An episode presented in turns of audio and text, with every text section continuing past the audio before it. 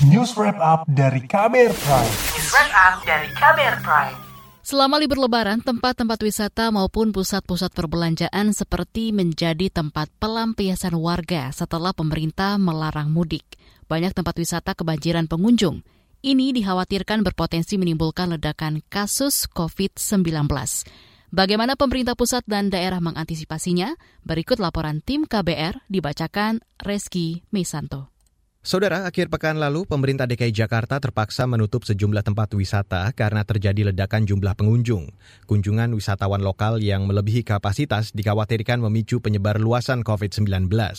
Sekretaris Daerah DKI Jakarta Marullah Matali merinci sejumlah tempat wisata di DKI yang ditutup sementara. Uh, ya dimulai hari ini dan esok kami menutup Taman Impian Jaya Ancol, kemudian Taman Gini Indonesia TNI, kemudian eh, Taman Marga Satwa Ragunan, sesuai dengan surat Kepala Dinas Pariwisata dan Ekonomi Kreatif nomor 1790 dari miring des 1 titik 1858 titik 2 tanggal 15 Mei 2021.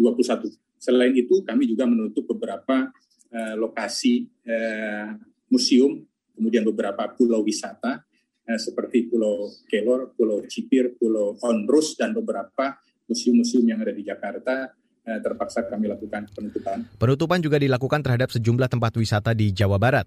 Sekretaris Daerah Jawa Barat Setiawan Wang Saat Maja mengatakan, penutupan dilakukan karena pengunjung melebihi kapasitas dan ada pelanggaran protokol kesehatan.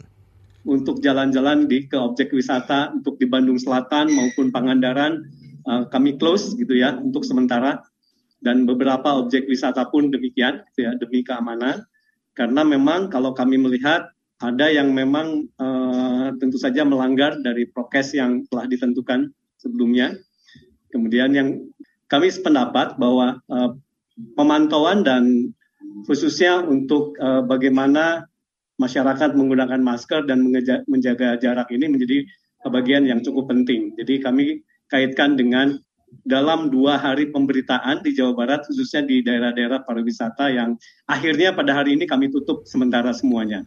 Membludaknya pengunjung di tempat wisata yang bersamaan dengan banyaknya orang nekat mudik lebaran tahun ini memunculkan kekhawatiran besar terjadinya ledakan kasus positif COVID-19. Satuan Tugas Penanganan COVID-19 meminta pemerintah daerah bersiap mengantisipasi kemungkinan lonjakan kasus hingga tiga pekan ke depan. Ketua Bidang Data dan Teknologi Informasi Satgas COVID-19, Dewi Nuraisya memperkirakan terjadi peningkatan hingga 100 persen kunjungan wisata pada libur setelah lebaran.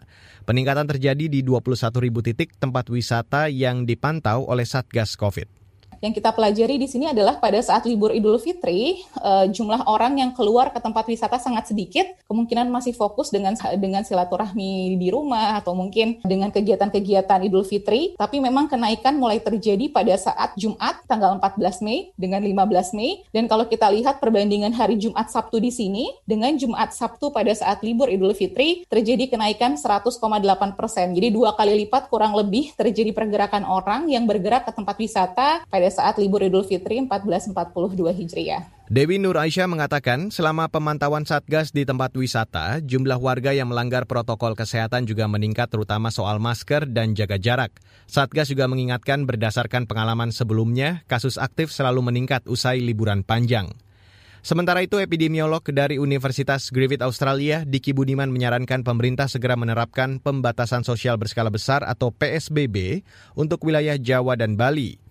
Itu dilakukan untuk mencegah dampak buruk ledakan kasus akibat penularan dari tempat wisata, apalagi di saat bersamaan banyak masyarakat yang nekat mudik.